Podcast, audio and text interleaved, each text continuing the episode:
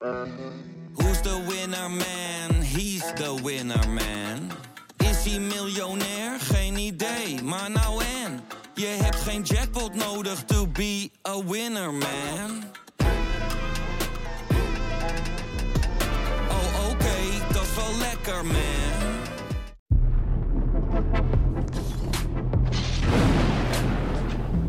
Het is maandag 10 april. Mijn naam is Kalom van Oudheus en ik zit tegenover Lenting Godijk om het laatste voetbalnieuws te bespreken hier bij VIZSM. Welkom. Goedemorgen, welkom. Uh, ik heb drie prachtige onderwerpen op het programma staan.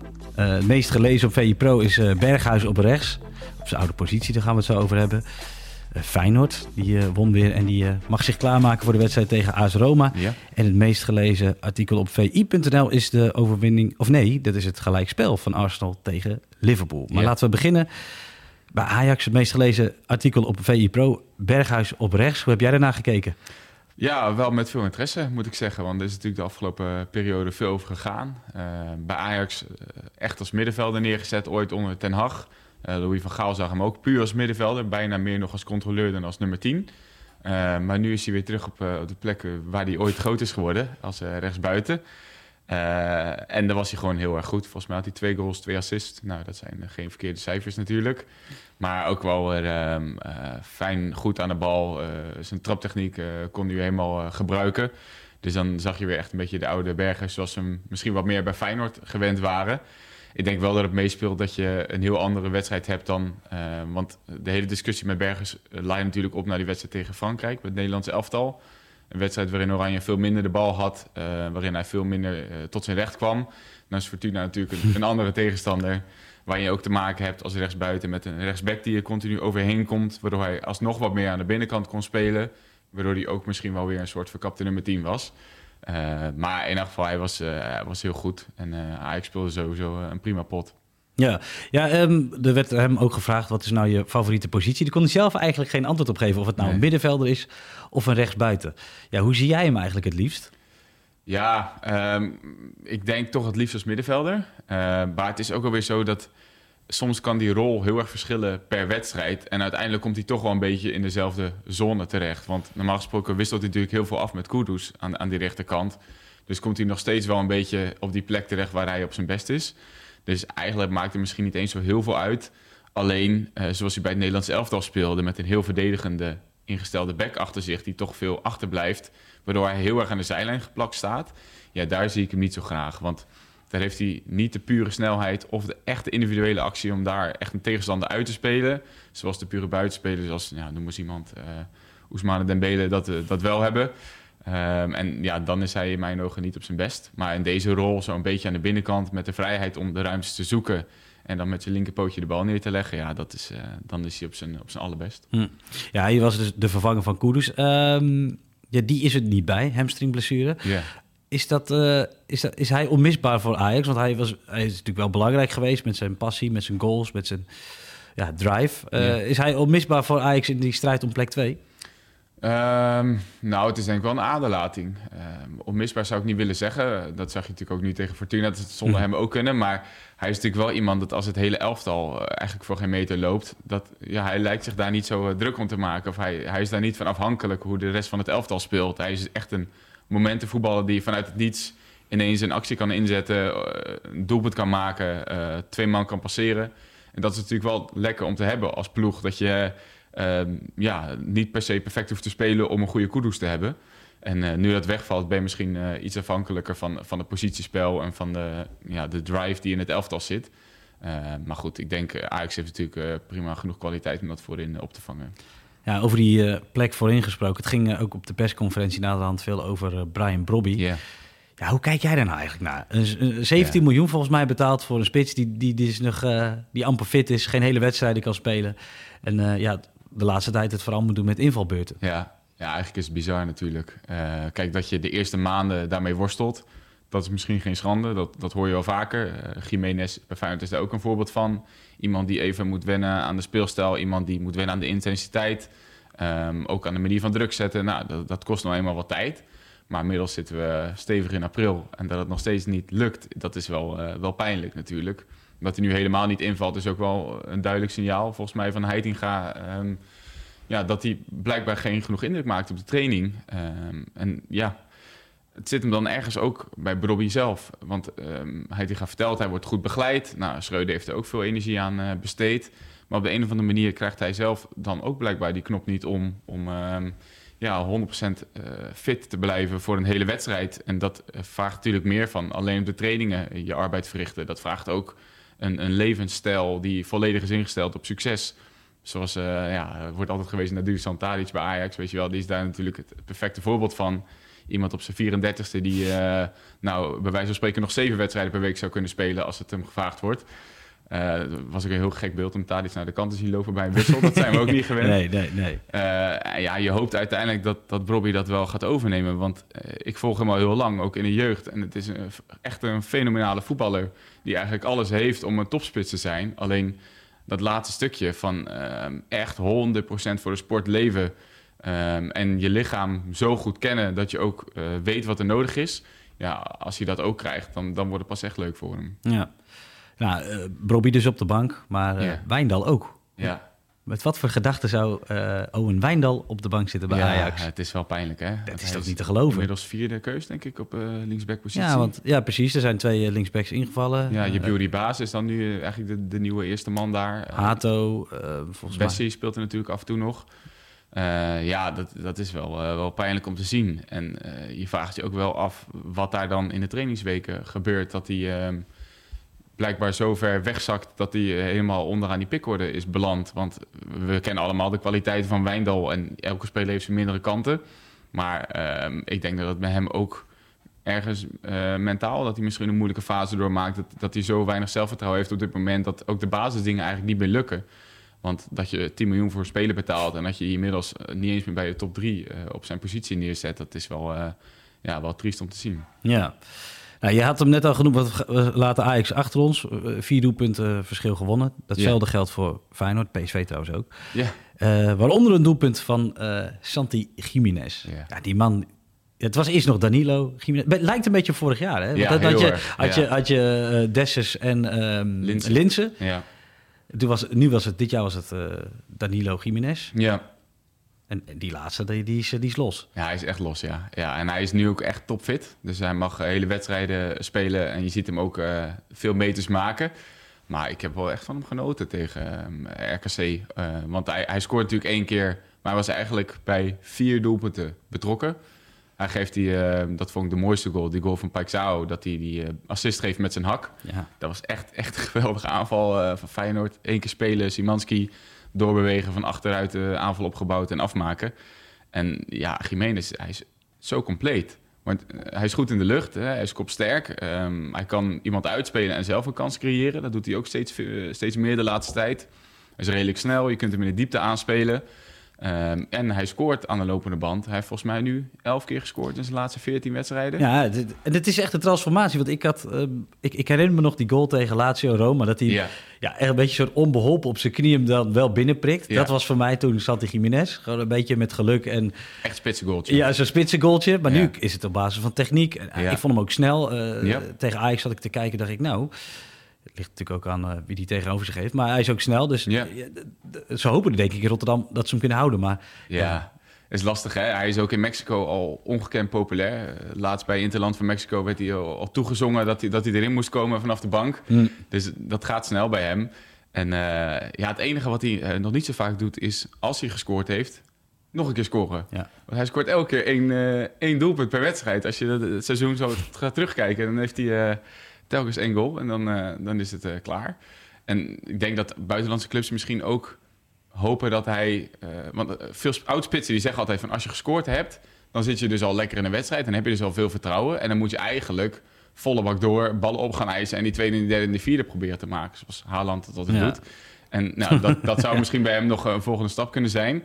Het echte pure spitsen, het gretige, het gierige... niemand meer die bal afgeven en um, aan je statistieken werken. Maar het is wel uh, een fijne speler om naar te kijken. En uh, wel de beste spits die Feyenoord heeft gehad al lange tijd, denk ik. Ja, ja ik, ik hoorde al uh, Martijn het hebben over in de voetsporen treden van Pelle en, ja. en um, hoe heet ons andere Guidetti. vriend? Guidetti, inderdaad. Ja. Ja. Nee, zeker. ja, nou, dus voor de Feyenoorders hopen dat Jiménez blijft. Ja. hetzelfde gaat natuurlijk voor Arne Slot, want dat is een terugkerend thema nu. Elke Ja, keer op de ja, persconferentie. Blijft hij wel, blijft hij niet? Hoe groot denk jij dat de kans is dat Ja, eh, ik Arne vind blijft? het eh, heel lastig in te schatten, eerlijk gezegd. Het hangt denk ik echt ook af van de clubs die komen. Eh, Tottenham wordt nu vaak genoemd. Dat is natuurlijk wel echt, echt een heel mooi project. Ehm, een club waarin je iets kan opbouwen, waarin met jonge spelers kan werken, met een aanvallende identiteit. Die misschien ook wel je wat tijd gunnen om, om echt even te werken aan je speelstijl. Ehm, en ik denk als, als het rechterrijtje Premier League komt, dat hij dan toch op een andere manier daarna gaat kijken. Eh, je speelt volgend jaar waarschijnlijk Champions League met Feyenoord. Eh, als je in Champions League presteert, kun je misschien nog wel weer een, eh, een stap verder zetten. Dus het wordt wel heel interessant. Want wat hij heeft neergezet bij Feyenoord is wel waanzinnig natuurlijk. Op, eigenlijk op alle gebieden. De standaard die hij heeft neergezet, dat als je 5-1 wint van RKC... eh, en nou ja, de helft van de wedstrijd geweldig voetbal speelde... dat eigenlijk iedereen staat te balen voor de camera's van ESPN. Trouwne die was aan het mopperen. eh, Hartman, eh, ze waren allemaal echt best wel kritisch eigenlijk op hun eigen spel. Terwijl je wint eh 5-1. Dat, ja, dat is wel een mooie nieuwe standaard in Rotterdam. Ja. ja, mooi om te zien. Er wordt ook alvast vooruitgeblikt natuurlijk naar die wedstrijd donderdag. Ja. Dat gaan we VI ook doen. Maar jij hebt al een beetje gekeken ook naar AS Roma. Ja. vertel eens, wat, eh, dat, dat wordt een leuk potje natuurlijk. Er wordt een heel, ja, dat weet ik eigenlijk trouwens niet. Het wordt een spannende pot. Maar Oh, ik ja. denk eigenlijk dat het een heel vervelende wedstrijd wordt. Oké, leg eens uit. Eh, nou ja, collega Pieter Zwart is ook al een beetje in de kwaliteiten van eh, Roma gedoken. Daar gaan we het inderdaad eh, ongetwijfeld nog heel veel over hebben deze week. Maar het is ehm, de ploeg die de minste expected goals weggeeft in de top 5 competities. wow. In normale mensentaal, ze geven heel weinig kansen weg. Ehm, dus het is verschrikkelijk moeilijk om tegen Roma te scoren. Ze maken de ruimte dus enorm klein. Eh, en ja, daar moet je dan doorheen zien te voetballen, 90 minuten lang. En aan de andere kant staat er dan een Argentijnse aanvaller die eh, aan één kans genoeg heeft. Paulo Dybala. Ja, ja. Daar heb ik het van de week eh, heb ik daarover geschreven. Toen ben ik nog eens wat beelden van hem gaan bekijken dit seizoen. En, ja, het is wel een voetballer om van te genieten. Hij loopt daar rond met, met de air van, die Francesco Totti ooit had in Rome, weet je wel. Hij is daar de koning op het veld. Strooien met dat linker pootje, strooit hij mooie basis. En ehm, nou, hij heeft dan toevallig een aantal penalties eh, nu gemaakt. Maar hij is ook wel de man die, eh, die de doelpunten moet verzorgen en de assist moet geven. En die ook bij balverlies eh, niet zo heel veel hoeft te doen. Zoals Wesley Sneijder dat altijd bij, bij Inter onder Mourinho krijgt Dybala die, die vrije rol. Dus dan heb je elf man die de organisatie, of tien man die de organisatie bewaken en achter Feyenoord dus gaan aanrennen. En Dybala wacht totdat hij de bal krijgt en het verschil aan de bal kan gaan maken. Eh, dus dat, dat is wel eentje om in de gaten te houden in de Kuip donderdag. Ja, eigenlijk ook eh, bizar dat hij het niet gered heeft bij Juventus. Die Ja. hebben juist uh, aanvallend stootkracht nodig. Dat blijkt ook dit seizoen. Ja. En dan is voetbalt die, die ballen daar bij Roma. En uh, ja, dat is dan wel genieten. Ja, ja, het is denk ik ook wel... Um, bij Juventus had hij meerdere aanvallers om zich heen... die uh, beter waren aan de bal dan zonder bal. En bij Roma is hij dan de enige speler. Dus dat is misschien dan een rol die hem wat meer past. Uh, en Mourinho is natuurlijk ook een meester in om dit soort spelers belangrijk te maken. Om ze te ontzien in het defensieve gedeelte. Om ze helemaal vol te pompen met vertrouwen elke week, week in, week uit. En die Bala op dit moment gaat echt door muren voor Mourinho. En dat wil hij ook in de Kuip laten zien. Want ze hebben wel hun zinnen gezet op die Europa League. Uh, ze willen een tweede Europese prijs. Uh, Mourinho heeft hem al uh, twee keer eerder gewonnen. Dat was toen nog de UEFA Cup. En ja, zij willen nu uh, ten koste van Feyenoord naar die halve finale. Dus het gaat wel een spannende pot worden. Zij gaan er echt vol voor. En Feyenoord uh, wil toch misschien nog wel meer dan één prijs winnen dit seizoen. Nou ja, dat zou wat zijn. Nou, uh, allemaal te volgen op vi.nl. Ja. Daarover gesproken, het meest gelezen artikel op vi.nl. Ja, is eigenlijk die video van um, Liverpool-Arsenal. 2-2. Ja. Ja. Wat een wedstrijd, hè? Ongelooflijk. Ja, dat was echt... Uh, volgens mij zijn Michael Richards een van de mooiste wedstrijden die hij ooit gezien had. Nou, dat is een bold statement. Dat is een bold statement, zeker, ja. Uh, maar het was wel echt spectaculair. Want uh, Arsenal had elf jaar niet meer gewonnen op Anfield. En ze komen uh, 0-2 voor. En ze speelden echt geweldig. Eerste helft was Arsenal echt indrukwekkend. Moeilijkste stadion misschien wel in Engeland om te spelen. Uh, grote test voor het kampioenschap. En ja, ze stonden er. Uh, Van Dijk had het ontzettend zwaar. Het is niet, dat is niet te geloven, hè? want met name bij die eerste goal... Uh, hij werd ook uh, in de media door... Even kijken, wie zei dat nou? Met gefileerd. Ja, Roy Keane had het. Roy, Roy Keane, inderdaad. Ja. Dit is voor Nederland, is dat ook zorgwekkend. Want ja. Hij moet het doen. Hij krijgt ook in Nederland veel kritiek. Ja. Het ziet er niet best uit. Nee, al moet zeggen, het moet een goede dag zijn... voordat je een compliment krijgt van Roy Keane. okay. Maar nee, klopt. Hij heeft een zwaar seizoen, Van Dijk. En... Um, het is natuurlijk ook voor hem lastig, omdat heel veel wedstrijden dit seizoen bij Liverpool de organisatie niet klopt. De ruimtes heel groot worden. Um, het spel zonder bal is, is niet meer zo goed als vroeger.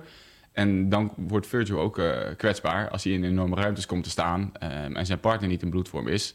In dit geval was hij mede schuldig aan de openingstreffer, was ook een beetje pech. Uh, bij de tweede goal um, komt Jesus boven ja, hem uit. Maar dat zijn kopduellen die normaal gewoon... Uh... Ja, dat was de positionering niet helemaal perfect. en Arsenal was eigenlijk op alle gebieden dominant en beter. En dan is er één opstootje met uh, Granit Xhaka, waardoor Anfield nog eens even goed wakker wordt. En ineens draait die wedstrijd helemaal om. Ja. Maakt Liverpool die aansluitingstreffer en denderen ze eroverheen. En eigenlijk niemand in Engeland weet hoe Liverpool die wedstrijd niet gewonnen heeft. Want ze kregen op een gegeven moment kans na kans na nou, kans. Die Ramsdale die haalt er toch een bal uit. Ja, maar ook in de allerlaatste minuut nog uh, een bal die hij op de een of andere manier tegenhoudt. Van voor de lijn. ja. Ja. Het was echt uh, een spectaculaire, spectaculaire wedstrijd. En weer ouderwets genieten van, uh, van de Premier League. Ja, behalve voor de Arsenal-fans, denk ik. Want die, die, die kunnen niet meer van de zenuwen. Nee, nee. Is nog drie punten voor. Ja, zes punten, maar City Ja. moet nog een, een, eh, potje meer spelen. Ja, en ze moeten nog tegen elkaar. Ja. Arsenal moet nog naar, uh, naar City uh, toe. Ja, wat wordt dit? Ja, het wordt ongelooflijk spannend, zinderend, zenuwslopend einde van het seizoen. Maar ergens ook wel weer knap van Arsenal dat ze in zo'n wedstrijd waarin ze de tweede helft alle hoeken van het veld te zien krijgen, toch overeind blijven. En dat is natuurlijk wel ook een kenmerk van een kampioen. Dat het Arsenal van de afgelopen tien jaar had de wedstrijd weggegeven en had met 5-2 verloren. Um, en Arsenal blijft dan toch overeind, toont karakter, heeft nu een doelman die punten voor ze pakt. En uh, ja, het is te hopen dat uh, nu met Pasen dat uh, Jesus ook de komende wedstrijden opstaat voor de Arsenal. Ja, ja en dat, dat Liverpool dan um, klopt, die heeft zelfs excuses aangeboden voor, Ja. voor dit seizoen. Vind je dat, is dat een beetje pop populair? Nee, ik snap het wel. Kijk, Ja? Dat was voor de wedstrijd, dat is wel belangrijk om even te zeggen. Maar um, Liverpool is niet altijd meer Liverpool dit seizoen. En ze hebben te veel wedstrijden waarin ze het helemaal laten lopen. Dat ze 7-0 winnen van uh, Man United. En de volgende week verliezen van Bournemouth, omdat de intensiteit niet klopt. En er is natuurlijk wel iets aan de hand daar, want het is het hele jaar al veel te wisselvallig. Um, alles waar Liverpool voor staat, het, de pressing, de intensiteit in wedstrijden, dat kunnen ze niet meer elke week leveren. En dus komt er ook een moment dat je even flink moet gaan doorselecteren. En vooral op dat middenveld liggen wel wel pijnpunten. Dan heb je natuurlijk Jordan Henderson, eh, de aanvoerder, van de club. Je hebt Fabinho daar al jaren lopen. Maar ja, daar moet meer energie komen. Want op deze manier... Um, de speelstijl van Liverpool is ook gebouwd op die intensiteit, op het spel zonder bal, op het afjagen, op het domineren van wedstrijden. En dat kunnen ze nu op dit moment niet um, opbrengen, twee keer in de week. Dus als ze weer succes willen gaan hebben, dan moet er wel heel wat gebeuren. En daar zitten de excuses een beetje, denk ik. Dat wat supporters verwachten van Liverpool, dat dat uh, niet meer elke wedstrijd getoond wordt dit jaar. Hm. Ja, uh, we gaan het zien, die uh, ontknoping van de Premier League. Ja. Als jij je geld moet zetten op een team, Oeh. Ja, hoeft niet veel te zijn hoor. Ik, ik hoop Arsenal, want ik, ik, gun het ze als beloning voor het hele jaar wat ze nu laten zien. Het voetbal dat ze spelen en het project waar ze mee bezig zijn. Maar je denkt? Ik denk eigenlijk toch City. Toch City, ja. ja. die zijn iets... Uh, uh, die hebben meer kwaliteit om op terug te vallen. Die hebben meer uh, rust van de ervaring van titelraces die ze de afgelopen jaren gespeeld hebben. Dus ik denk uiteindelijk dat, uh, dat City in mij nog wel favoriet is. Oké, okay, we gaan het zien, Lent in Godijk. Ik uh, wil je bedanken. En dan zeggen we aan het eind van deze aflevering altijd tot ZSM. Tot ZSM.